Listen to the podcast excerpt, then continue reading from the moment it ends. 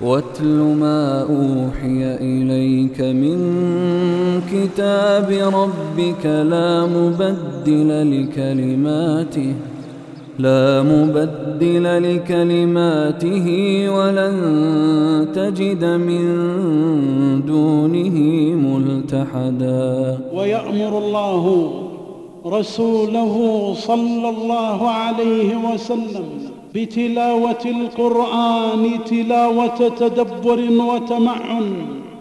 فيقول تعالى واتل ما أوحي إليك من كتاب ربك لا مبدل لكلماته ولن تجد من دونه ملتحدا.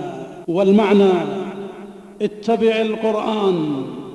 فإنه لا مبدل لكلمات الله ولا خلف فيها ولن تجد إن أعرضت عن اتباع القرآن وخالفته ملتحدا أي ملجأ تلجأ إليه وتميل. وصدق الله تبارك وتعالى فمن أعرض عن القرآن العظيم فإلى أين سيذهب؟ لن يجد ولن تجد أمة الإسلام.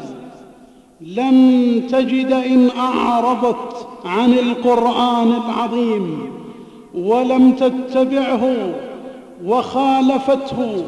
لن تجد ملجأ آخر تلجأ إليه فينفعها في دنياها وأخراها.